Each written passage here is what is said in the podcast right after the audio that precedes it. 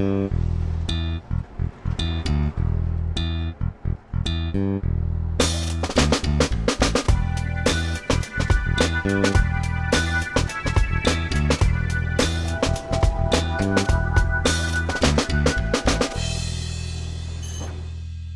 Witam w nowym roku, witam z Łodzi, bo dziś będziemy rozmawiać o tym, jak łódzka komunikacja miejska się zapada. O zapaści komunikacji miejskiej w Łodzi. Będę rozmawiał z Jarosławem Ogrodowskim, ekspertem do spraw rozwoju lokalnego, łódzkim społecznikiem. Witam cię bardzo serdecznie. Witam wszystkich. I Kosmą Nykielem, przewodniczącym Stowarzyszenia Łódź Cała Naprzód, urbanistą też łódzkim społecznikiem. Witam. Dzień dobry, witam.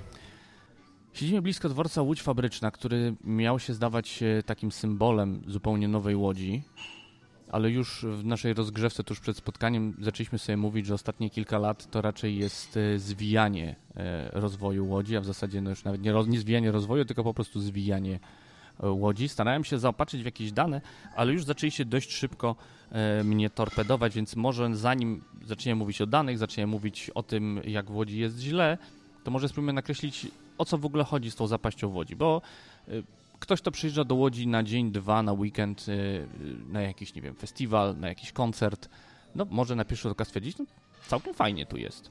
To skoro jest tak dobrze, to dlaczego jest aż tak źle? Szczerze mówiąc, czasami ciężko jest podpowiedzieć, dlaczego jest tak źle, bo to jest suma małych rzeczy. Mieszkanie w Łodzi to jest troszeczkę jak śmierć tysiąca cięć. Tu coś nie przyjedzie, tu coś nie zadziała. Rzeczy, które w innych miastach bierzemy za oczywiste, że one po prostu są, w Łodzi ich nie ma, a ewentualnie one nie działają tak, jak powinny.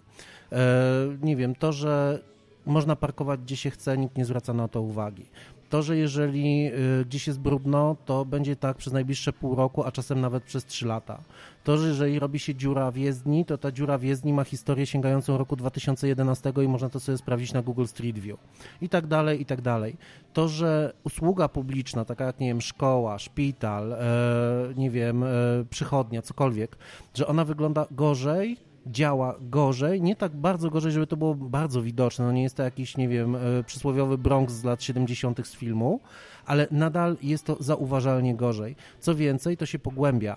E, o ile jeszcze powiedzmy 10-15 lat temu mogliśmy się łudzić, że nadrabiamy pewien dystans, to w tym momencie ostatnia pięciolatka to jest już bardzo duży ruch spiralny w dół. E, co więcej, to nie jest widoczne na pierwszy rzut oka, ale w momencie, w którym, nie wiem, ja musiałem dojechać tutaj do dworca fabrycznego, 10-15 lat temu taka podróż zajęłaby mi około 20 minut tramwajem, nawet trochę krócej. Dzisiaj złapałem się na tym, że jeżeli miałem być tutaj na godzinę 11, zacząłem wychodzić z domu o 9.30. Taka jest skala tego, jak to miasto nie działa. Ponieważ jeżeli chciałem przyjechać rowerem, jest to niemożliwe, ponieważ e, przez toczące się remonty jest zerwana ciągłość dróg rowerowych i nie można po prostu ode mnie przejechać w sposób wygodny. E, jeżeli chciałbym przyjechać tramwajem to się nie da, ponieważ został zlikwidowany w 2018 roku i od tamtego czasu e, mamy tylko autobus zastępczy, który jedzie tutaj prawie godzinę z powodu korków spowodowanych właśnie tymi remontami. A jeżeli bym chciał przyjechać taksówką, to przez to, że ludzie są uzależnieni od samochodów, e, to praktycznie przestało się opłacać e, być taksówkarzem, prawda? No, każdy ma własny samochód, w związku z czym jest coraz mniej taksówkarzy, jest coraz mniej taksówek, w związku z czym taksówkę trzeba zamówić na przykład z godzinnym wyprzedzeniem, żeby być pewnym, że e, damy radę przyjechać tutaj na właściwą godzinę. E, I tak się tu żyje. Ostatnie lata to jest y, seria wyłączeń kolejnych torowisk tramwajowych. Bodajże ponad dwa lata temu robiłem materiał o e, torowisku na Wojska Polskiego, które wówczas się rozpadało i zostało zamknięte. Teraz jest w trakcie remontu. W trakcie remontu jest również torowisko na Legionów, ale jak przeczytałem, nawet po zakończeniu tego remontu tramwaje nie wrócą na tą ulicę dalej niż na odcinek do e, ulicy Gdańskiej, czyli nadal nie pojedzie tramwaj na Zdrowie, nadal nie pojedzie tramwaj na Koziny. E, cała seria tych torowisk na ulicy Niższej, Warszawskiej, to o czym wspomniałem, na Legionów, na Koziny, na Konstantynowskiej, na Kielińskiego, no tak naprawdę już pomijając też y, tramwaj do Konstantynowa Podmiejskiej oraz do Ozorkowa, które już padły kilka lat temu i nie wróciły, no łódzka sieć tramwajowa jest już ciężko nazwać już siecią. To jest poszatkowane fragmenty torów już coraz trudniej y, jakby poruszać się tramwajami po Łodzi. Kosma, dlaczego tak jest? Ja myślę, że to jest z jednej strony spowodowane prostu złym wyznaczeniem priorytetów inwestycyjnych. Wydaje mi się, że przez ostatnie lata nie do końca po prostu dobrze wyznaczano odcinki czy trasy, które były remontowane, pomijając te, które faktycznie były w dość złym stanie, więc myślę, że takie dwa przykłady. Pierwszym z nich to jest dość krótki odcinek, ale nadal dość istotny, czyli właśnie, właśnie ukończona tramwajowo e, Śmigłego Rydza między Przybyszewskiego a Dąbrowskiego to było torowisko w dobrym stanie. Nie ma co się, e, nie ma co się oszukiwać, to nie był odcinek, który wymagał e, jakiegoś szczególnego priorytetu. A mimo to, że czy to z półtora roku zajął ten remont? Jarku, ty tam mieszkasz e, blisko. może tak. Remont Śmigłego Rydza właśnie wszedł w dziesiąty rok swojego trwania. To jest 3 kilometry ulicy. E, zaczął się w 2014 przebudową skrzyżowania marszałków, trwa do 15. Od 16 do 17 przez półtora roku robiliśmy skrzyżowanie Śmigłego Rydza Dąbrowskiego. Potem od 18 e, do 21 robiliśmy kilometr e, od, od Piłsudskiego przepraszam, do Przybyszewskiego. Następnie od 22 roku do teraz robimy właśnie ten odcinek, który mówił Kosma. Przy czym tam szyny były wymieniane na początku XXI wieku i ich czas życia był przewidziany na 25-30 lat.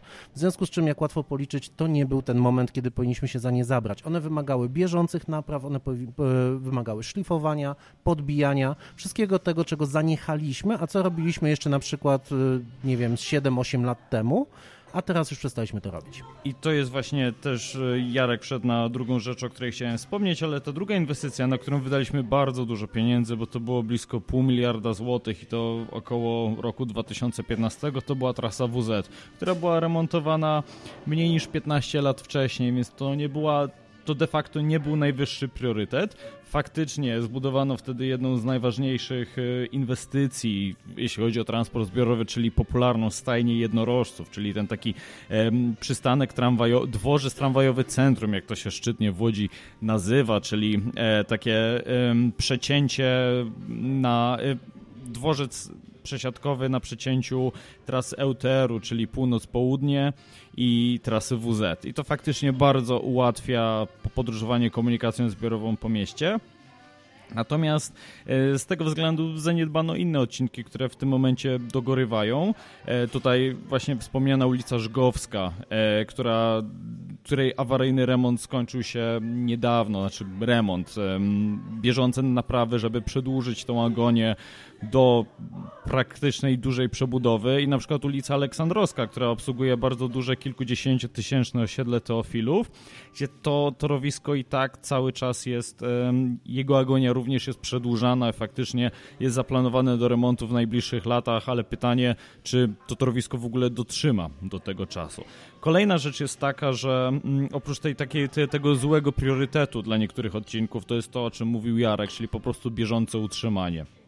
Bieżące utrzymanie torów w Łodzi jest za, za, jest zaniedbywane. Co więcej, bardzo często motorniczowie mówią o tym, że e, nieodpowiedni tabor jest wysyłany na niektóre odcinki, co pogarsza właśnie stan tych odcinków. I tutaj na przykład e, przypadek ulicy Żgowskiej, e, bardzo często mówi się o tym, że mm, wysyłano najnowszy tabor na e, Żgowską, który pogarszał de facto z jednej strony stan torowiska na Żgowskiej, a z drugiej strony też jakby e, po tak starym i zaniedbanym torowisku najnowsze tramwaje nie powinny jeździć. Mm. Jest jeszcze trzeci aspekt, czyli fatalna koordynacja remontów w Łodzi.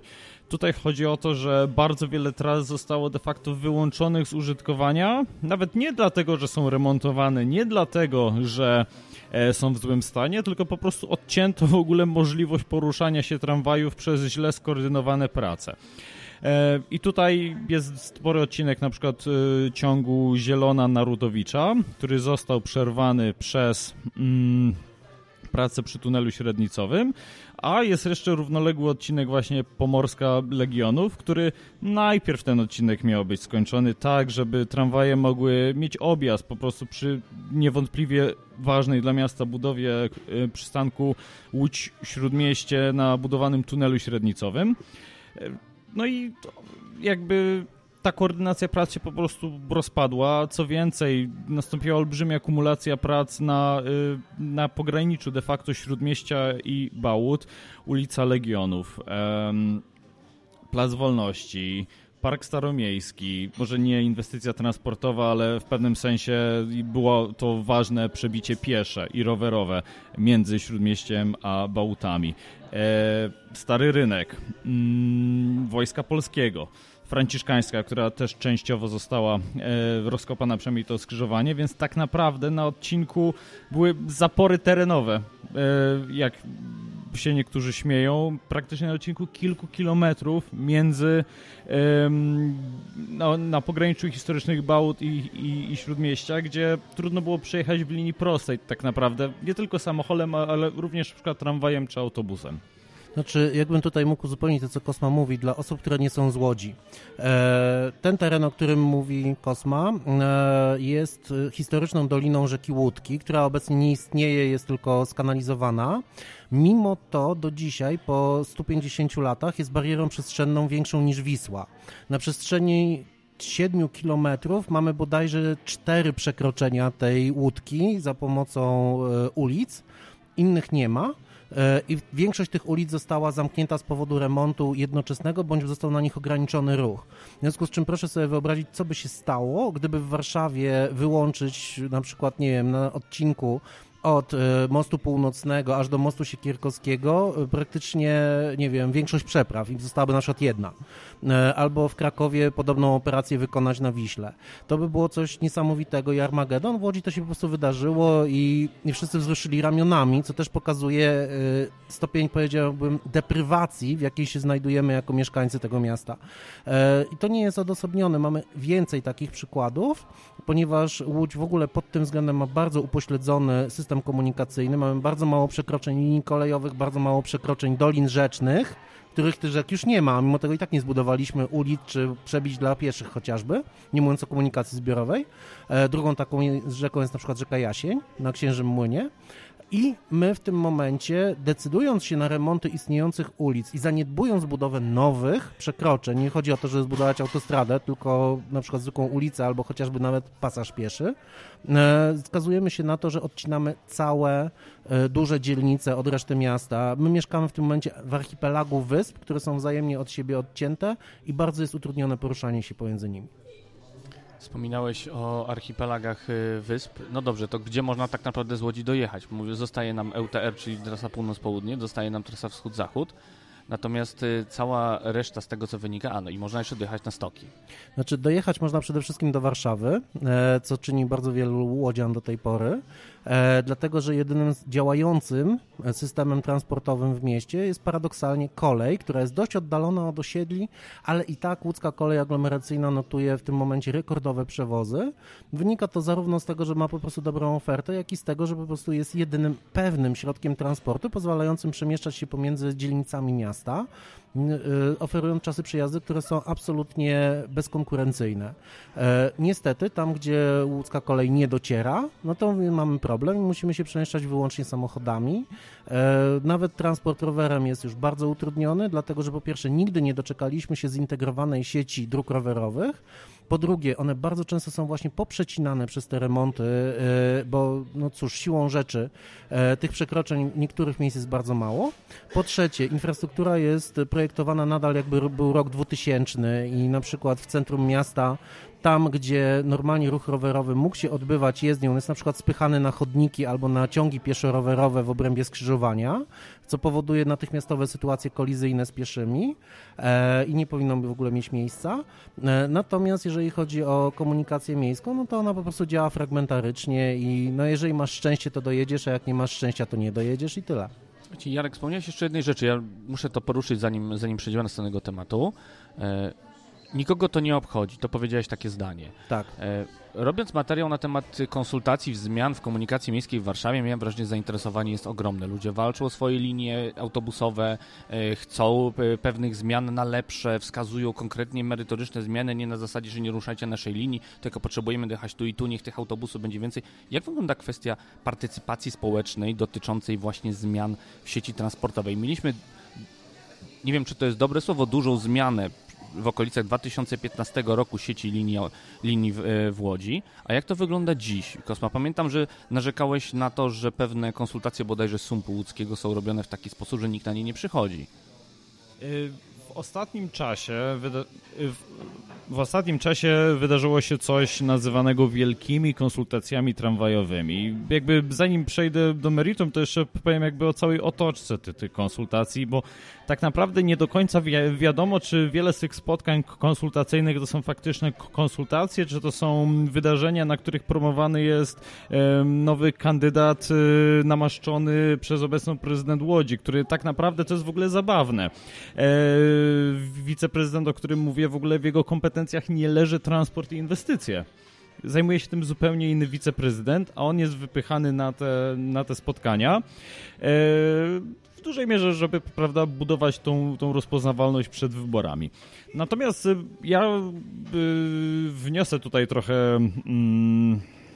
e, optymizmu. e, do naszej rozmowy. Te konsultacje ja uczestniczyłem w kilku z nich. Uważam, że jest to naprawdę krok w dobrą stronę, bo tutaj w, bodajże to był e, koniec 2022, początek 2023. E, faktycznie na każdym z tych osiedli, gdzie te, najno, te nowe inwestycje, czyli tak jak wspominałem, Żgowska, Aleksandrowska, ale też e, wiele innych jak Srebrzyńska, mm, Politechniki czy Franciszkańska, tam przedstawiono dość szczegółowe koncepcje, jak ma wyglądać ten, e, jak ma, mają wyglądać te nowe ulice, e, gdzie mają być na przykład nowe przystanki utworzone, jak ma wyglądać cała infrastruktura. Myślę, że to jest na pewno krok w dobrą stronę.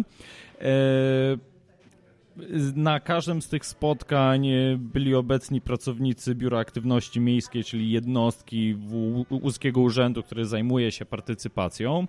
E, I faktycznie te, e, te szczegóły, te wnioski mieszkańców, oczywiście one były często bardzo sprzeczne, bo jedni mówili, że chcieliby więcej miejsc parkingowych, drudzy mówią, że jakby woleli więcej zieleni w tym miejscu nie zawsze się da tego pogodzić to, co pamiętam, to to, że faktycznie dominowały jednak raczej takie y, głosy bliższe zrównoważonemu rozwojowi niż tak zwanej samochodozie, co niewątpliwie cieszy. Yy, I faktycznie wykonawca miał obowiązek zawrzeć listę tych komentarzy zebranych przez, e, przez, przez urząd e, w ramach tych konsultacji tramwajowych. W tym momencie szykuje się druga runda, gdzie już są jeszcze bardziej szczegółowe te koncepcje, które uwzględniają e, te komentarze myślę, że jest to krok w dobrą stronę po tym na, na, na, przykład jak bardzo wiele inwestycji w Łodzi w ogóle nie, nie było konsultowanych e, z mieszkańcami na poziomie jakby szczegółu. Wystarczy tu wspomnieć o tak naprawdę wszystkich projektach rewitalizacyjnych, jeśli chodzi o, o, o projekty ulic, które w dużej mierze są zupełnie nieprzemyślane, konfliktują użytkowników ruchu. Także w tym momencie jest tu jakaś szansa, że da się to, to yy, robić inaczej. Przy czym yy, no, musi być jeszcze wola miasta, żeby faktycznie, bo to jednak urzędnicy i tak naprawdę łódzka wierchuszka decydują, co z tego będzie wdrożone w życie, a co nie. Powiem tak, bardzo dziękuję za podsumowanie moich konsultacji społecznych rewitalizacyjnych, które robiłem w roku 2014 i 2015, e, pracując wtedy w biurze rewitalizacji. E, wierz mi, Kosma były jeszcze bardziej szczegółowe, jeszcze dokładniejsze i jeszcze więcej osób brało w nich udział, łącznie z tym, że projektowane było co do ławki, stojaka rowerowego i wszystkiego. E, ale sam powiedziałeś, jak się to skończyło, w związku z czym e, mniej więcej słuchając Ciebie, słucha, słyszałem samego z siebie sprzed powiedzmy 12 lat. E, był taki moment, y, przez to, że jestem już trochę stary i trochę pamiętam rzeczy, że takie rzuty y, konsultacyjne, ten jest trzeci albo czwarty, który ja pamiętam. I za każdym razem mechanizm jest dokładnie ten sam. Robimy jakieś duże konsultacje, mieszamy bardzo mocno, zapraszamy nowych, zapalonych ludzi, bo starzy się już zdążyli zniechęcić, Wszyscy rzucają wspaniałymi pomysłami. E, oczywiście tak naprawdę te pomysły potem w jakiś tam sposób są obrabiane, czy to musi zrobić zewnętrzna firma, czy to musi zrobić jakiś urzędnik, wszystko jedno. E, a następnie jak przychodzi co do czego, wchodzi prawdziwa że tak powiem, rzeczywistość, kiedy po prostu trzeba wydać pieniążki, trzeba wydać je szybko. E, dlatego też na przykład teraz z wielkim strachem oczekuję tak zwanego KPO, bo to będą szybkie pieniądze, które trzeba wydać natychmiast, z bardzo krótkim terminem realizacji, w związku z czym e, cokolwiek będziemy za nie robić, będziemy robili szybko i bez sensu. I to będzie dotyczyło całego kraju, nie tylko Łodzi. E, jestem jedną z tych osób, która wcale się nie cieszy z tego, że to KPO dostaniemy ale mniejsza z tym, gdy odejdźmy na razie od tego.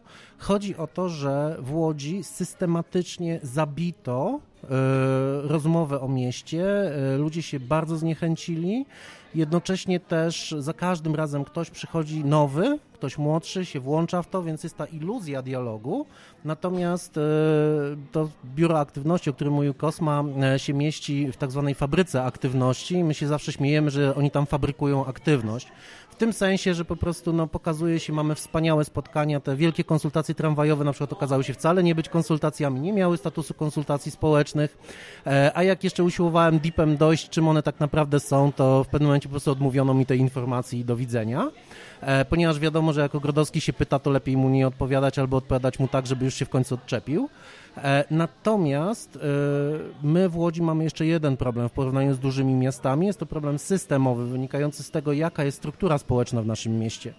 Mianowicie w Warszawie, czy w Krakowie, czy w Poznaniu, czy we Wrocławiu mamy znacznie większą, tą powiedziałbym, warstwę osób, które się w jakiś sposób aktywnie włączają w życie miasta, są zainteresowane tym miastem. E, my taką grupę osób uczestniczących w życiu miasta, czy miasta, czy życiu kulturalnym, czy życiu społecznym mamy na poziomie miasta 200-300 tysięcznego. Po prostu to wynika z tego, że Łódź była miastem z gruntu robotniczym, z dużą ilością ludności napływowej, która jeszcze w dodatku została bardzo mocno przeczołgana przez transformację. W związku z czym e, tutaj tak naprawdę tych osób, które w jakiś sposób chciałyby aktywnie miasto zmieniać jest dużo mniej. Co więcej, one w dużej mierze wyjechały do Warszawy, ewentualnie po cichu wyjechały do Warszawy w ten sposób, że spędzają tam większość dnia roboczego. E, I w tym momencie ja na przykład, e, patrząc na moich kolegów, moje koleżanki, które żyją tak jak ja, widzę, że oni mają znacznie większe przełożenie na to, co dzieje się w Warszawie, mimo tego, że fizycznie w tej Warszawie nie mieszkają, ale na przykład tam się udzielają, włączają się do konsultacji, ale też na przykład, nie wiem, przez miejsca pracy, bo pracują bardzo często w urzędach, czy stołecznych, czy urzędach centralnych, dużo bardziej do tego miasta, jak gdyby, mówiąc brzydko, inwestują w nie, bo również to miasto jest w stanie odebrać to, co jest przez nie przekazywane. W Łodzi tego nie ma, w Łodzi po prostu ekipa jest zainteresowana tym, żeby utrzymać władzę, wydać pieniądze jak najszybciej, nieważne czy mądrze, czy mniej mądrze, wszystko jedno, żeby te pieniądze przerobić. I tyle. A czy się przy tym dobrze coś zrobi, czy nie, inna sprawa. E, ja pamiętam projekty dla tak zwanego tramwaju dla Łodzi, czyli to, co zdezorganizowało moje życie w ciągu ostatnich 10 lat na Górnej, na Zarzewie, na Dąbrowie. E, tam cudności były w tych projektach. No i co z tego, jak przychodzi co do czego, zostajemy praktycznie z odtwarzaniem tego, co było, bądź takimi bezsensownymi rzeczami jak wiadukt nad nieistniejącą e, bocznicą kolejową. Co więcej, w Warszawie też się wydarzyła taka sytuacja, e, ale tam było to chociaż przedmiotem jakiejś rozmowy. W Łodzi wszyscy milcząco przeszli do wniosku, że no dobra, był wiadukt nad bocznicą, to to odbudujemy ten wiadukt nad bocznicą. Nie będziemy się zastanawiać po co prawda? Mamy wiadukt nad bocznicą, której nie ma, e, a Urząd Miasta stwierdził, że no dobra, to zrobimy tam ścieżkę rowerową, w związku z czym na przykład środowiska rowerowe są szczęśliwe, no bo mają ścieżkę rowerową i już, tak? I nikt nie podnosi po prostu w ogóle tematu, dlaczego my to robimy, po co wydaliśmy. Trasa WZ, o której mówił Kosma, też zawiera ileś takich misiów. Ona kosztowała ostatecznie prawie 800 milionów złotych e, i mamy na przykład na niej e, sytuację, że mamy podniesioną jezdnię na ulicy Rokicińskiej, że można było dojść do przystanku bez pasów i bez świateł. E, po co? Tak, sam ten wiadukt kosztował do 100 milionów złotych. Dlaczego? Po co on nam w ogóle tam był? Był projekt, żeby linię tramwajową przejść, przesunąć na środek osiedla, ale to było zbyt po prostu trudne do wyobrażenia, w związku z czym po prostu postanowiono ją przywiązać do miejskiej autostrady, która biegnie bokiem osiedla i tak już zostało, prawda? Zmarnowaliśmy szansę, mimo tego, że za PRL-u ten tramwaj był planowany bardziej właśnie środkiem osiedla i była na niego rezerwa. Ale to się już nie zmieściło w głowie, mimo tego, że na konsultacjach o tym rozmawialiśmy. Widzisz, to moje zdania na temat tramwaju na Olechów, zupełnie prywatnie są są podzielone, bo z jednej strony korzystam z przystanku, który właśnie został e, na poziomie zero, a jezdnia poszła do góry, czasami z niego korzystam, a jednocześnie tak, zauważam faktycznie to, że tramwaj na Lechów został poprowadzony właśnie kompletnie bokiem, zamiast środkiem osiedli, e, co z jednej strony byłem w stanie to zrozumieć z uwagi na to, że pewnie tak było szybciej go zbudować i łatwiej. Szybciej i wygodniej. Pytanie wygodniej dla kogo? Wygodniej dla urzędu, ponieważ ja też jako pracowałem w urzędzie pewien czas miasta Łodzi, e, tak naprawdę jeżeli chcemy proceduralnie zrobić coś w miarę szybko, nie musieć się kopać na przykład, nie wiem, z, wy, z wykupami gruntów, czy chociażby, nie wiem, z jakimiś protestami, no to robi się w taki sposób, żeby e, tego unikać, tak? Więc staramy się być w gruncie miejskim albo Skarbu Państwa, jeżeli będziemy się zamieniać, staramy się to robić w taki sposób, żeby to było jak najmniej inwazyjne e, i żeby to się zmieściło w jakimś harmonogramie. W związku z czym mamy do dzisiaj takie kwiaty, jak niezbudowane od lat 50. ulice na e, Bałutach, jak na przykład, nie wiem, przedłużenie ulicy Dolnej do obrońców Westerplatte, jak na przykład ulica Tokarzewskiego, która nigdy nie została właśnie w tym śladzie zbudowana, jak e, przebicie ulicy Wojska Polskiego do Lutomierskiej, e, które miał, jest na to rezerwa, ale nikt się na to nie zdecydował. Dlaczego? Bo na przykład po środku stoi jeden dom i nikomu się nie chce tego domu e, skomunalizować, czy po prostu przeprowadzić jakieś procedury z tym związanej i e, my się po prostu dusimy. Jarek, cały czas powtarzasz, że te wszystkie plany to jedno, a rzeczywistość to drugie. No ale z drugiej strony patrzę sobie z zewnątrz, może storpedujesz moje wypowiedzi, jest plan tramwaju do Centrum Zdrowia Matki Polki, jest już zaprojektowana przebudowa właśnie Aleksandrowskiej. Czy to jest wszystko pic na wodę, bo przecież remontowane jest Wojska Polskiego? To jest, to jest wszystko pic na wodę? To się nie, nie odbędzie, nie uda? Nie umiem ci odpowiedzieć na to pytanie. Znaczy, jeszcze kilka lat temu bym stwierdził, ok, skoro mamy takie plany, no to pewnie to w końcu będzie. Teraz nie umiem ci odpowiedzieć. Dlaczego? Dlatego, że po pierwsze, e, cały czas zawsze będziesz miał sytuację, w której musimy wyremontować jakiś odcinek zaniedbanej sieci, bo mamy po prostu nawarstwione w ciągu ostatnich 15 lat zaniedbania. Z drugiej strony, e, nawet jeżeli zdecydujemy się na coś wydać środki, to efekt końcowy będzie wypadkową tego, w jaki sposób będziemy mieli możliwości, nie wiem, projektowe, w jaki sposób miasto będzie mogło za to zapłacić, e, ile tego będzie, czy będzie jakaś pomoc zewnętrzna, czy będą jakieś zewnętrzne kryteria, które będą wymuszały na przykład jakieś rzeczy. E, w tym momencie na przykład, nie wiem, rzeczony tramwaj do Matki Polki jest budowany na bogato, przynajmniej projektowany na bogato, przy czym nie jestem z tego powodu zły, przeciwnie, ponieważ w razie czego będzie można okroić projekt i być może go zrealizować. W drugą stronę znam projekty, które były specjalnie robione na bogato, tylko po to, żeby je utrącić, no bo są za drogie. W ten sposób na przykład, nie wiem, od 30 lat budujemy trasę konstytucyjną i budujemy ją tak na bogato, żeby zawsze wyszło, że po prostu nas na nią nie stać i tak dalej, i tak dalej. Więc tak naprawdę nie umiem odpowiedzieć. Bardzo chętnie bym zobaczył za, nie wiem, 10 lat, w którym miejscu będziemy, ale jeżeli nie potrafimy zbudować na przykład tak prostej rzeczy, jak jeden przystanek w stronę Centrum Kliniczno-Dydaktycznego podłączający drugi wielki szpital w Łodzi, to nie wiem, czy będziemy w stanie zbudować te, nie wiem, tam jest kilometr, półtora, przepraszam, nie pamiętam dokładnie ile, do Matki Polki. Ja w ogóle bym spojrzał na te inwestycje z trochę innej perspektywy niż Jarek. E, z perspektywy w pewnym sensie efektywności wydania pieniędzy do uzyskanego rezultatu.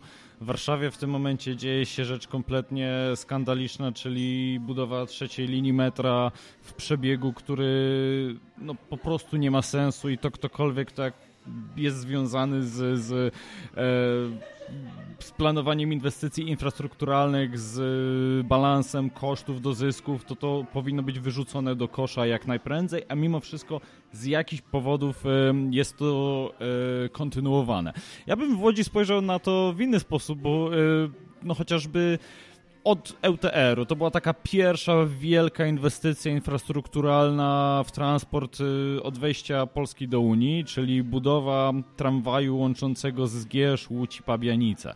Czyli tak naprawdę około 40 km torów? Znaczy 16 km w obrębie samej Łodzi. Tak. E, jeżeli mówimy o torze podwójnym, no to wtedy będziemy już mieli powyżej 30, szczególnie, że tam jeszcze wchodziły w to e, krańc, e, krańcówki i tak dalej. Tak, tylko jakby jeśli, jeśli by włączyć Pabieńce z Gierz no i dalej tak. może Ozorków, no to, to faktycznie by całkiem sporo było. No i... jakby założeniem tej budowy było na przykład to, że tramwaj po prostu pojedzie szybciej z Helenówka na Chocianowice, po ukończeniu inwestycji okazało się, że ten tramwaj jedzie wolniej niż przed przebudową. To jest jedna rzecz. E, wtedy, już wtedy w dużej mierze podporządkowano przebieg tram, linii tramwajowej pod samochody, czyli zlikwidowano bardzo wiele przejść dla pieszych, żeby usprawnić przepustowość. Przystanki lokowano za skrzyżowaniem, a nie przed skrzyżowaniem, co w połączeniu z brakiem priorytetu, który od tego 2008 roku społecznicy, mieszkańcy dążą, żeby go wprowadzić, a on cały czas w Łodzi nie jest wprowadzany, więc y, tramwaj stoi dwukrotnie na skrzyżowaniu, raz przed, raz przed skrzyżowaniem, a potem za skrzyżowaniem.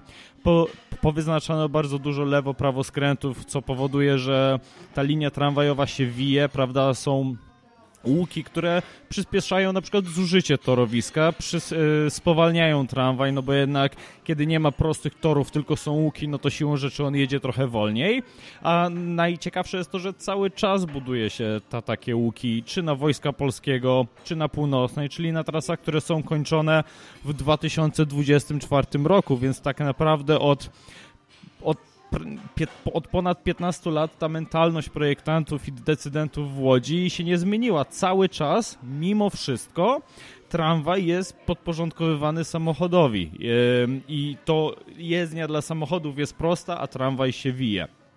Jeszcze jedna rzecz bardzo istotna.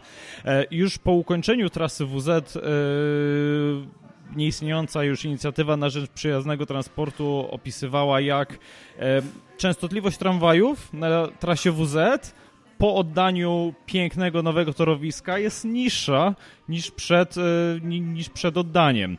Tak samo będzie wygląda na to na Wojska Polskiego, tak samo będzie na Śmigu Gorydza. I tak naprawdę co jest najgorsze, to to, że my budujemy nową, cudowną infrastrukturę, po której jeździ coraz mniej tramwajów. I jeśli policzymy sobie, ile było tych kursów na godzinę w szczycie na niektórych szlakach w roku 2011, kiedy to był taki ostatni rok, kiedy ta komunikacja miejska w Łodzi dobrze funkcjonowała. Wtedy już zaczęto wprowadzać na przykład międzyszczyty, czyli e, redukować częstotliwość e, między szczytem porannym a, e, a popołudniowym. I od tego momentu zaczęła się ta, taka spirala upadku, można by, by powiedzieć. Yy, I co jeszcze chciałbym tu dodać, to, to nie jest tylko o tramwajach, ale o autobusach. Dam przykład ulicy Tuwima, ulicy, która jest bardzo tutaj blisko. Ja pamiętam jeszcze 10 lat temu yy, jeździły tam trzy linie autobusowe i każda z nich jeździła co 10 minut, więc tak naprawdę co 3 minuty odjeżdżał wtedy autobus i wtedy jeszcze się mówiło o tym, żeby yy, Kosma, wejdę ci w słowo, te autobusy nie jechały, one stały w korku. Znaczy, Wiem, bo pamiętam, próbowałem nimi inaczej. jeździć. Ja mieszkałem przy Tuwima, one były trzy linie, tak, to prawda. Każda jeździła co 15-20 minut i jeździły jedna za drugą. I potem przez 20 minut nie było nic. Jak ja wysiadałem na Kopcińskiego, przesiadając się z, z tramwaju, do siebie przy Kińskiego szedłem piechotą i nie mijał mnie żaden autobus. A 8, potem trzy. 80, i 83 i 74. 80 i 83 jeździły co 10 minut, 74 jeździło chyba co, co 15, bo jechało na Hutę Jagodnicę. Natomiast w tym momencie, żeby porównać, i wtedy jeszcze na przykład buspas, o którym się mówiło na Tuwima, miał sens. W tym momencie buspas na Tuwima nie ma sensu, bo jeżdżą tam dwie linie autobusowe, każda co 20 minut. I mówimy o jednej z najbardziej centralnych ulic w Łodzi, po której niegdyś do lat 70. jeździł tramwaj. Do 85 roku. Tak. I tak naprawdę to pokazuje właśnie tą zapaść, która przez ostatnie 10 lat, jeśli chodzi o transport zbiorowy w Łodzi, się wydarzyła. Znaczy, zapaść jest jeszcze ciekawsza, dlatego że ten rok 2011, który podałeś jako ostatni dobry rok, e, to był rok po tym, jak już wyszliśmy z ciemnych lat e, za Kropiwnickiego, kiedy w porównaniu do z kolei komunikacji miejskiej za prezesa Rydeckiego przeżyliśmy straszny e, regres. E, I rok 2011, gdyśmy się coraz cofnęli w czasie, wszyscy by stwierdzili, że mamy fatalną komunikację miejską, że było lepiej te 10 lat wcześniej, to powiedzmy nawet 6 lat wcześniej, a teraz to jest strasznie źle, że przecież pamiętajmy, że to była komunikacja miejska, gdzie nam się regularnie paliły autobusy, wypadały nam silniki z tramwajów e, i gdzie po prostu wyłączaliśmy po raz pierwszy e, torowiska z powodu ich złego stanu technicznego, na przykład na Limanowskiego tak było. Przy czym na, na Limanowskiego to torowisko wtedy w ciągu dwóch lat udało się wyremontować i przywrócić do tak, użytku tylko że pamiętajmy, że na przykład EUTR te 16 km robiliśmy w rok, w 12 miesięcy a teraz e, nie jesteśmy w stanie wyremontować e, kilometrowego odcinka krócej niż 18 miesięcy. ba, na, nawet jeśli chodzi o same remonty ulic, to budowa 300 metrów ulicy Moniuszki zajęła półtora roku, więc tutaj to jest e, kompletny absurd. Znaczy my, tak jak wracając do tego jeszcze tutaj, co mówił nasz szanowny prowadzący e, i wcześniej potem jeszcze też Kosma na temat wydatkowania środków, wydajemy dużo pieniędzy, wydajemy je bez sensu, mamy za dużo tych pieniędzy. Ja współpracuję z samorządami i przyznam się szczerze, że ostatnie dwa lata, kiedy tych środków nie było, tak, nie było środków europejskich, bo się pokończyły, nie było KPO, to był wreszcie moment, kiedy wreszcie samorządowcy patrzyli na swoje portfele, patrzyli, hmm, może jednak wydajmy te pieniądze tak, żeby one się zwróciły, a nie, hmm, wydajmy te pieniądze tak, żeby nam Urząd Marszałkowski to jak najlepiej rozliczył. To jest kompletnie inny rodzaj myślenia. I my w Łodzi mamy przecież taką sytuację, w której wyłączyliśmy ulicę Zieloną, to o czym mówił Kosma, bo budujemy stację Łódź Śródmieście. Ten czas powinniśmy poświęcić na wyremontowanie tej ulicy, bo ona jest w złym stanie technicznym. Nic takiego nie nastąpi. Zostanie oddana stacja Śródmieście, a dopiero potem przez najbliższe 2-3 lata będziemy remontować ulicę Zieloną. Ponieważ, dlaczego? Bo to już będzie kolejna perspektywa unijna, będziemy mogli na to pozyskać środki i będziemy mogli je przeprodukować. Złapałem się właśnie za głowę e, i Kosma trochę wszedł na temat autobusów. E, ja na chwileczkę odbiję od tych tramwajów. E, postanowiłem sobie popatrzeć na dane, jak to wyglądało kiedyś, jak to wygląda dziś. W 2004 roku w Łodzi było 322 autobusy w ruchu, a w 2019 było to 370, 214 tramwajów razem z ówczesnymi spółkami MKT i TP. W 2019 to było 230 składów. Skreślam uwagę, że to są składy, a nie, a nie wagony, bo wagony 805 jeżdżą solo albo w duecie. No było 882 kierowców autobusów licząc etatami. W 2019 roku to jest 1062, w 2021 to było 1048, więc widać, że kierowców autobusów jest coraz więcej. Natomiast motorniczych tramwajów było 688 w 2004, potem w 2019 urosła ta liczba do 770, a dziś mamy pomór y, motorniczych. Jest 679, patrząc, licząc etatami, tak? Patrząc, bo tam wiadomo, to jest dwa różnie. Y, więc co tak naprawdę się dzieje? Bo wygląda tak, jakby Łódź stawała się autobusową potęgą. To, że tramwaje likwido są likwidowane, to już ustaliśmy przez ostatnie pół godziny. Natomiast y, gdzie są te autobusy, nawiązując do sławnego hasła, gdzie są te dzieci? One są na liniach zastępczych.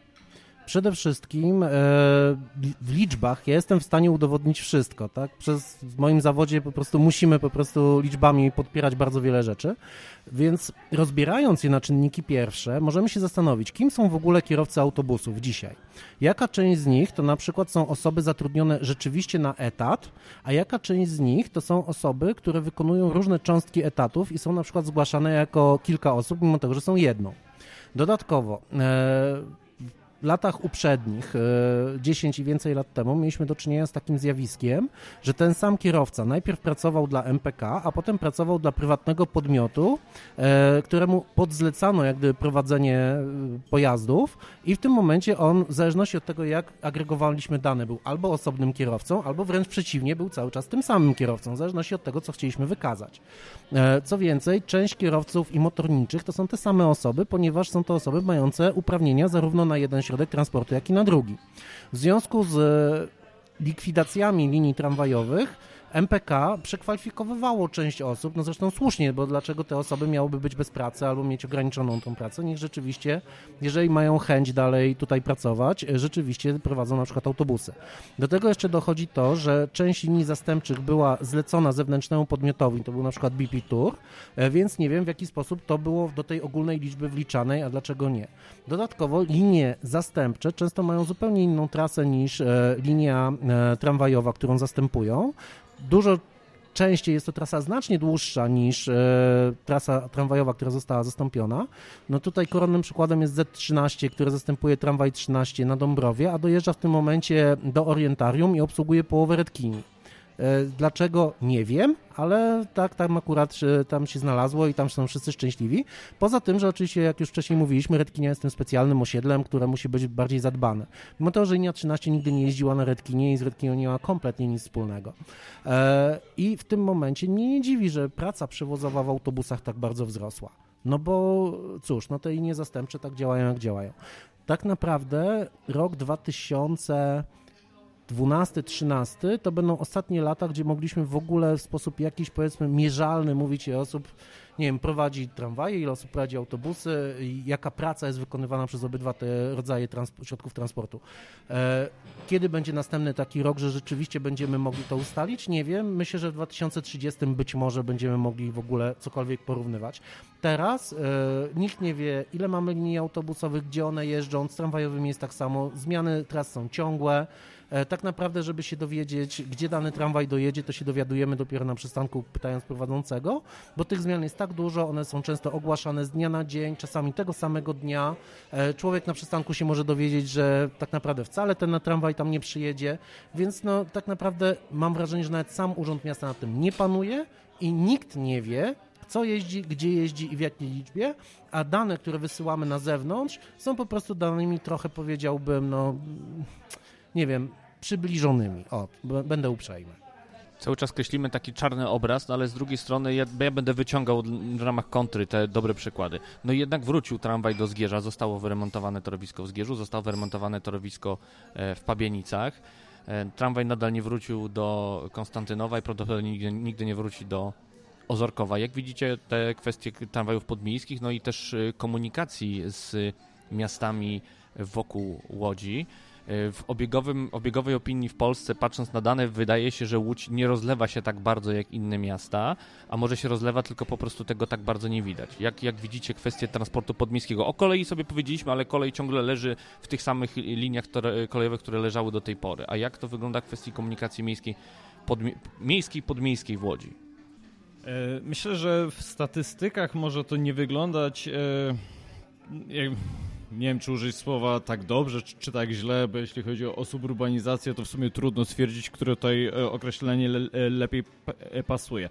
Przede wszystkim, jeśli patrzymy na powiaty okalające Łódź, w dużej mierze jest to na przykład powiat zgierski, powiat pabieński, gdzie znaczną część mieszkańców tych powiatów stanowią mieszkańcy właśnie Zgierza i Pabianic. To są miasta o charakterystyce bardzo podobnej do Łodzi, również demograficznej. To były również miasta oparte o przemysł włókienniczy, tak jak zdecydowana większość aglomeracji łódzkiej, więc borykają się z podobnym problemem demograficznym co Łódź, którym była po prostu bardzo słaba struktura demograficzna, oparta E, że tak powiem, nadmier e, nieproporcjonalną, nieproporcjonalnie dużą ilość kobiet e, do mężczyzn, co się po prostu musiało mieć swój efekt w, w tej postaci, że ten wzrost demograficzny jako no, nie jest jest tragiczny, tak?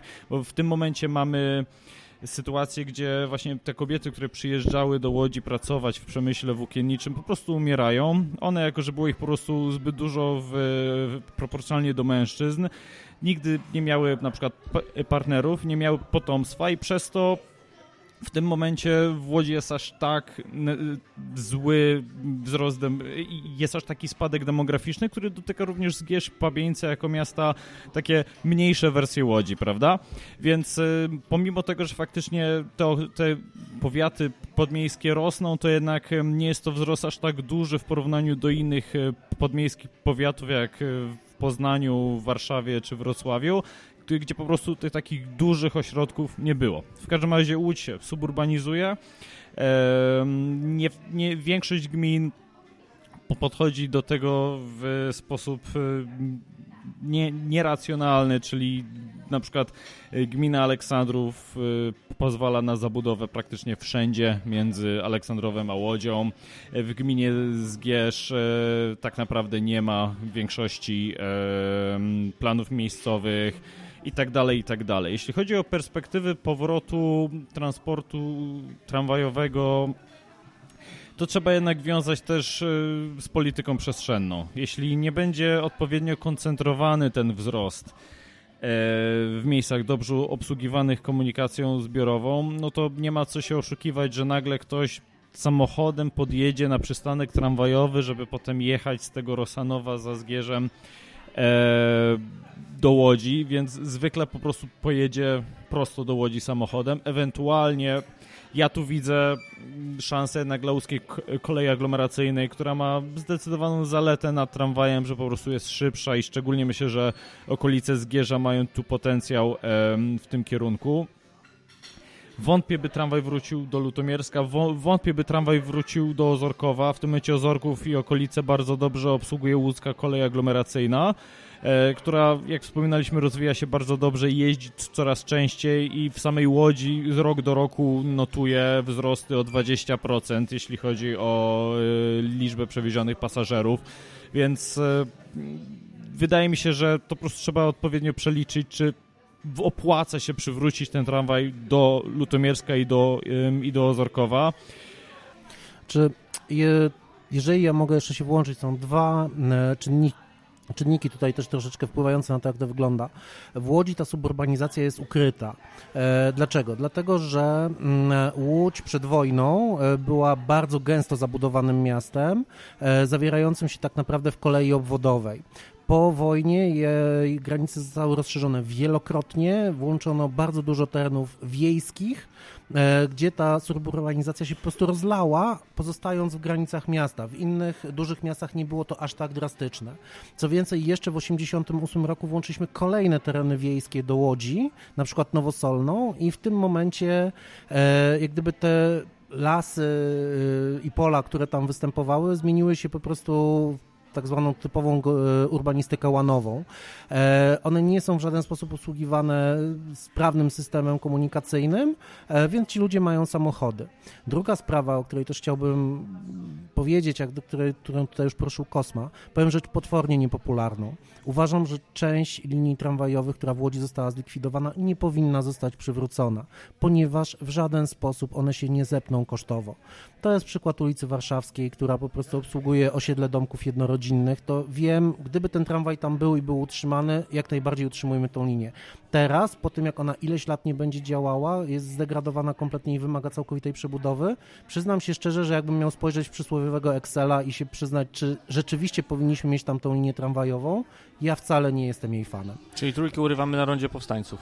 Na przykład. E, ewentualnie, jeżeli e, zastanawiam się, jak obsłużyć komunikacyjnie e, bałuty, tamtą część bałut, ok, zachowajmy tą linię, a zastanówmy się, jak często ten tramwaj będzie tam jeździł, bo jeżeli to będą trzy tramwaje na godzinę, a mamy wydać na to kilkaset milionów złotych, to przepraszam bardzo, ale no, nas na to nie stać.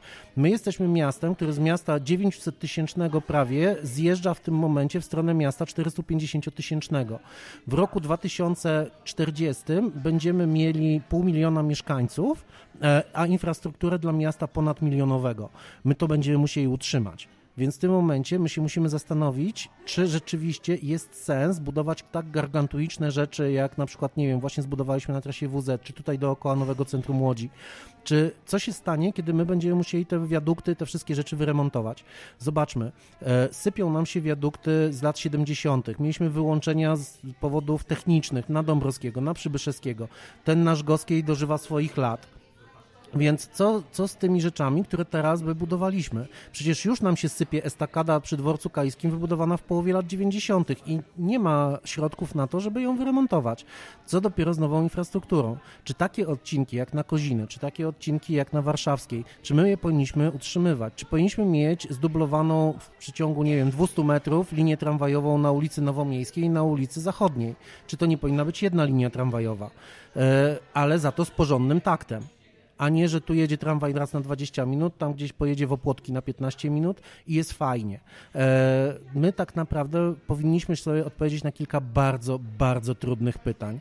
Co się stanie, kiedy Łódź będzie miała 500 tysięcy mieszkańców, z czego jedna trzecia to będą osoby w wieku emerytalnym, w większości będące starszymi kobietami, które potrzebują przemieścić się najdalej o dwie, trzy przecznice po prostu do załatwienia swoich spraw.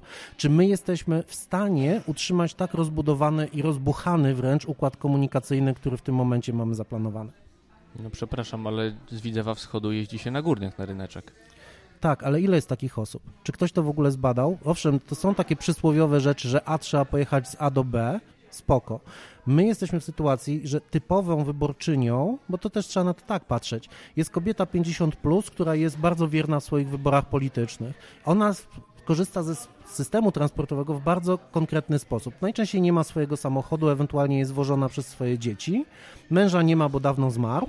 E, I w tym momencie ona ma kilka swoich potrzeb. Szpital, przychodnia, rynek. Stąd fenomen linii szpitalnych, które są w Łodzi, takich jak 57 czy takich jak 70, gdzie po prostu jakikolwiek próba, one przejeżdżają całe miasto, próba jakiegokolwiek ograniczenia ich kończy się natychmiastowym gniewem. Dlaczego? Bo tylko te osoby tak naprawdę korzystają z komunikacji miejskiej i im na niej zależy. Drugą wielką grupą, która korzysta z komunikacji miejskiej są uczniowie, ale oni jak tylko kończą 18 lat, robią prawo jazdy, kupują samochody i uciekają. E, studenci już praktycznie też przestali jeździć komunikacją miejską, ponieważ ona ich donikąd nie dowozi, więc też oczywiście jeżdżą samochodami. Efekt jest taki, że mamy samochodów pod korek.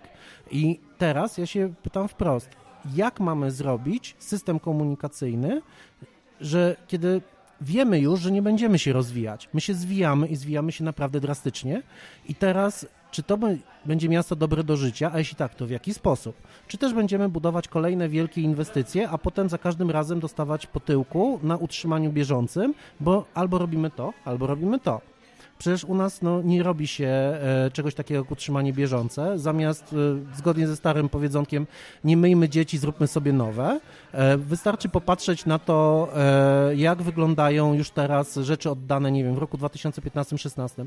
Jak wygląda wspomniana stajnia jednorożców, która jest brudna, jest zaniedbana. Jak wygląda EUTR, gdzie już po prostu za chwilę będziemy musieli się zastanawiać nad jego remontem, bo po prostu z powodu braku bieżącego utrzymania szyny zaczęły się paczyć. Na ulicy Piotrkowskiej praktycznie już teraz mamy zwolnienie do 10 km na godzinę, tam na tym odcinku przy placu Reymonta. E, na WZC już się pojawiają pierwsze ograniczenia prędkości, przecież to jest linia tramwajowa oddana w ostatnim dziesięcioleciu, prawda? Przecież powinniśmy mieć z nią spokój na najbliższe 20 lat. Nic z tego. E, więc my się musimy zastanowić, z którą stronę idziemy. Takiej rozmowy nie ma. Myślę, że wszyscy po prostu odsuwają to od siebie, widzą Łódź wśród dużych miast, takich jak Kraków, Wrocław, Przecież w tym momencie Wrocław nas przegonił w ludności, prawda? To są miasta rozwijające się ze stałym dopływem osób młodych, które są w stanie płacić podatki, nie oszukujmy się, a nie z ciągle rosnącym, ogromnym kontyngentem osób w wieku poprodukcyjnym, które mają kompletnie inne potrzeby i aspiracje. Jarek, obraz, który zarysowałeś jest bardzo pesymistyczny i bardziej jakby ten obraz e, pasażerów komunikacji miejskiej w Łodzi, on przypomina trochę wiejski PKS, to znaczy są ci, którzy są już zbyt starzy i niedołężni, żeby jeździć samochodem oraz ci, którzy są jeszcze zbyt młodzi, żeby jeździć samochodem. I no jest to obraz, no rzekłbym, uważam, że nie jest to zbyt mocne słowo, że jest to obraz trochę przerażający, no ale jednak no muszę zadać to pytanie Kosmie, no jednak y, działalność społeczna no nie polega chyba tylko na tym, co mówi Jarek, tu nie chcę go obrazić w żaden sposób, żeby kreślić czarne wizje, ale też y, jakby jakaś odpowiedź na to. Czy jesteś w stanie jakoś taką odpowiedź sformułować na to? Ustalmy, że Jarek nakreślił rzetelny i obiektywny y, stan dzisiejszy, a teraz staramy się wypracować jako puentę tego odcinka jakieś rekomendacje, w którą stronę należy pójść, nawet jeżeli idziemy drogą zarządzania y, zapaścią. To w ogóle jest ciekawy temat, bo w ogóle w Europie jest kilka miast, y, regionów, gdzie faktycznie zarządza się tak y, zwijaniem miasta. W pewnym sensie są, są miasta na y, na wschodzie Niemiec, gdzie wręcz wyburzano całe osiedla, no bo nie, nie opłacało się, się, się tego utrzymywać. Przykładem może być na przykład Frankfurt nad Odrą. E, pytanie, czy w Łodzi faktycznie dojdziemy też do takiego modelu? Mam nadzieję, że nie. Ja, ja jednak jestem lekkim optymistą, jeśli chodzi. I, i, inaczej, może nie jestem lekkim optymistą, jestem gdzieś idealnie pomiędzy pesymizmem i, i optymizmem. Myślę, że u mnie dominuje takie, jakoś to będzie. Eee, I myślę, że tutaj akurat dobre ceny mieszkań w Łodzi mogą coś pomóc, połączone jednak z tym, że faktycznie ta infrastruktura w Łodzi istnieje i funkcjonuje. Jeśli chodzi o. Kosma, przerwę ci. Jakoś to będzie, mam wrażenie, że powiedział Jarek o obecnej władzy, która ciągle myśli, że jakoś to będzie. Jeżeli chodzi o ceny mieszkań, zasmuca cię, one niestety w Łodzi też rosną. Tak, Więc ale... dokłada, dokładam ci jeszcze większe ciężary, a ty teraz je podnieś. Dobrze.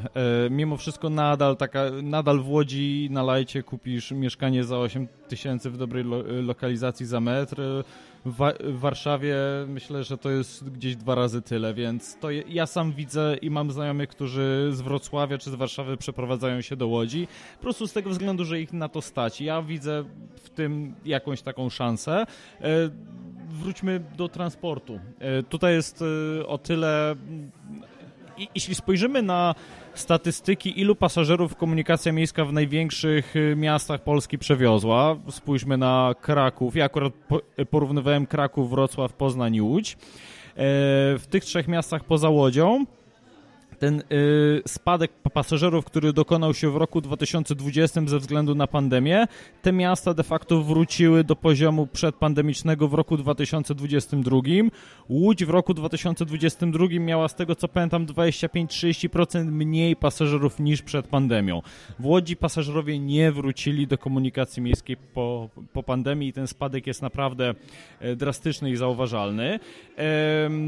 I to jest w ogóle, myślę, że mm, jeśli spojrzymy na to, jak są realizowane te wszystkie remonty i przebudowy, Jarek może świetnie opowiedzieć o tym, jak wygląda komunikacja miejska teraz, jak wyglądała kiedyś na Dąbrowie. Napisał o tym bardzo fajny artykuł.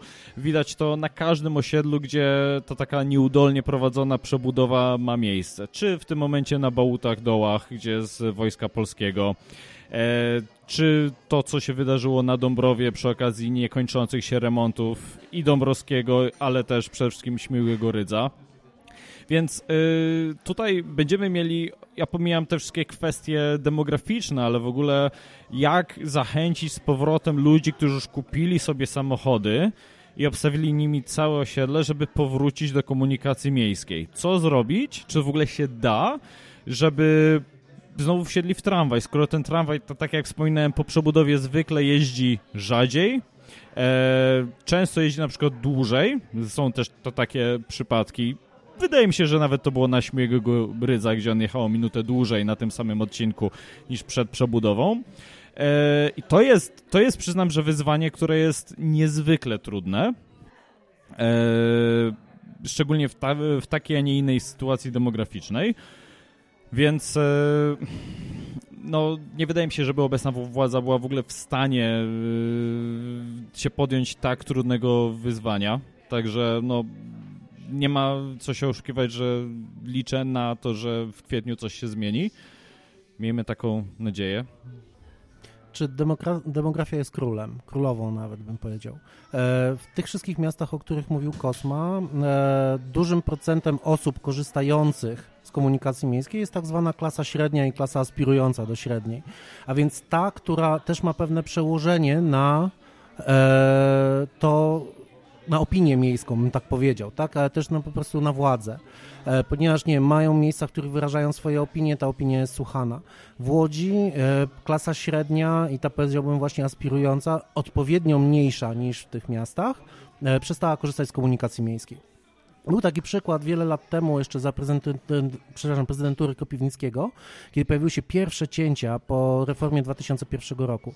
Przy Kilińskiego, której przechodziła przez łódzkie enklawy biedy, dużo łatwiej dało się pociąć kursy tramwajowe niż przy ulicy Śmigłego Rydza, gdzie wtedy jeszcze przechodziła ona przez blokowiska, znaczy nadal przychodzi, ale na tych blokowiskach mieszkała powiedzmy ówczesna inteligencja i klasa średnia, która korzystała z tych tramwajów. Ci ludzie natychmiast podnieśli krzyk i te tramwaje zostały. Na Kilińskiego zaczęła się fala, która nie skończyła się do dzisiaj.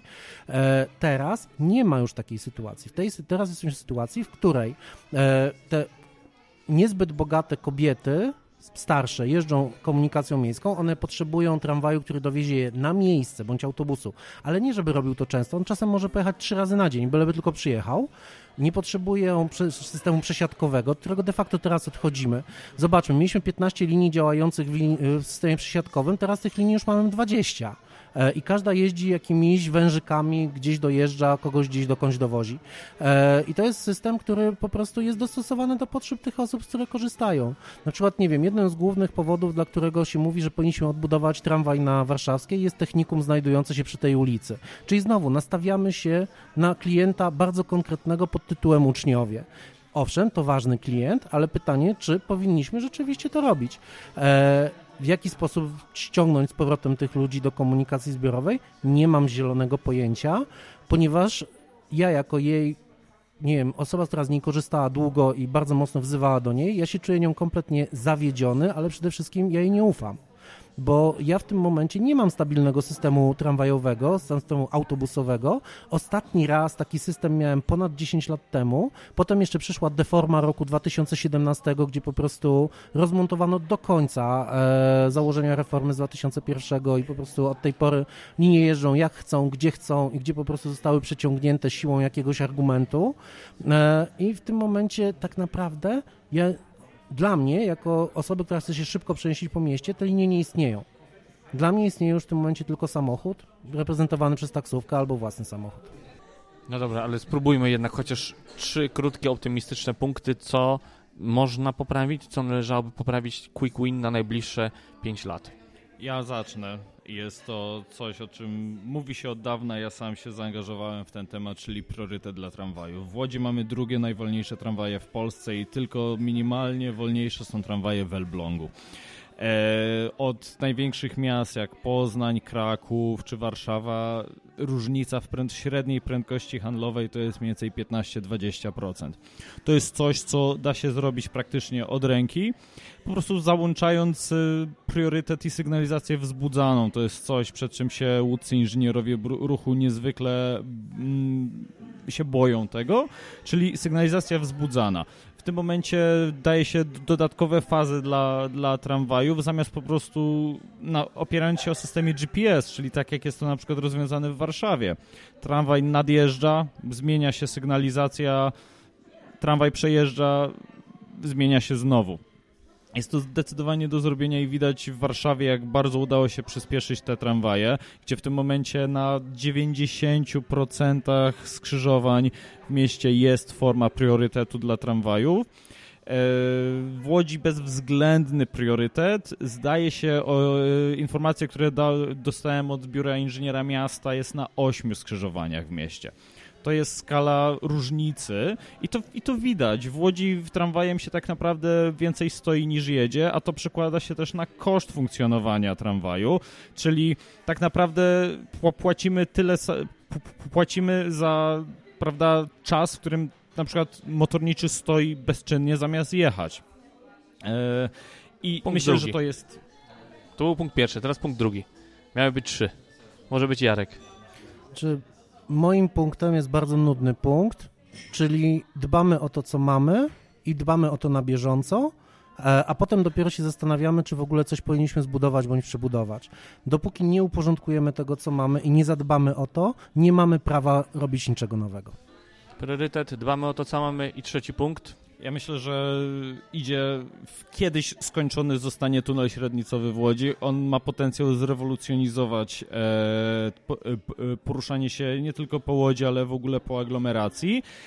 Problem jest tylko takim, o którym wspominaliśmy wcześniej, te stacje nie zawsze są dobrze skomunikowane z osiedlami, więc to, co, o czym już powinniśmy myśleć i już budować te połączenia, nie tylko autobusowe i tramwajowe, ale również piesze i rowerowe, bo na stację dociera się jakby w różny sposób dociera się pieszo, rowerowo i, i, innymi środkami komunikacji zbiorowej, a także samochodami często.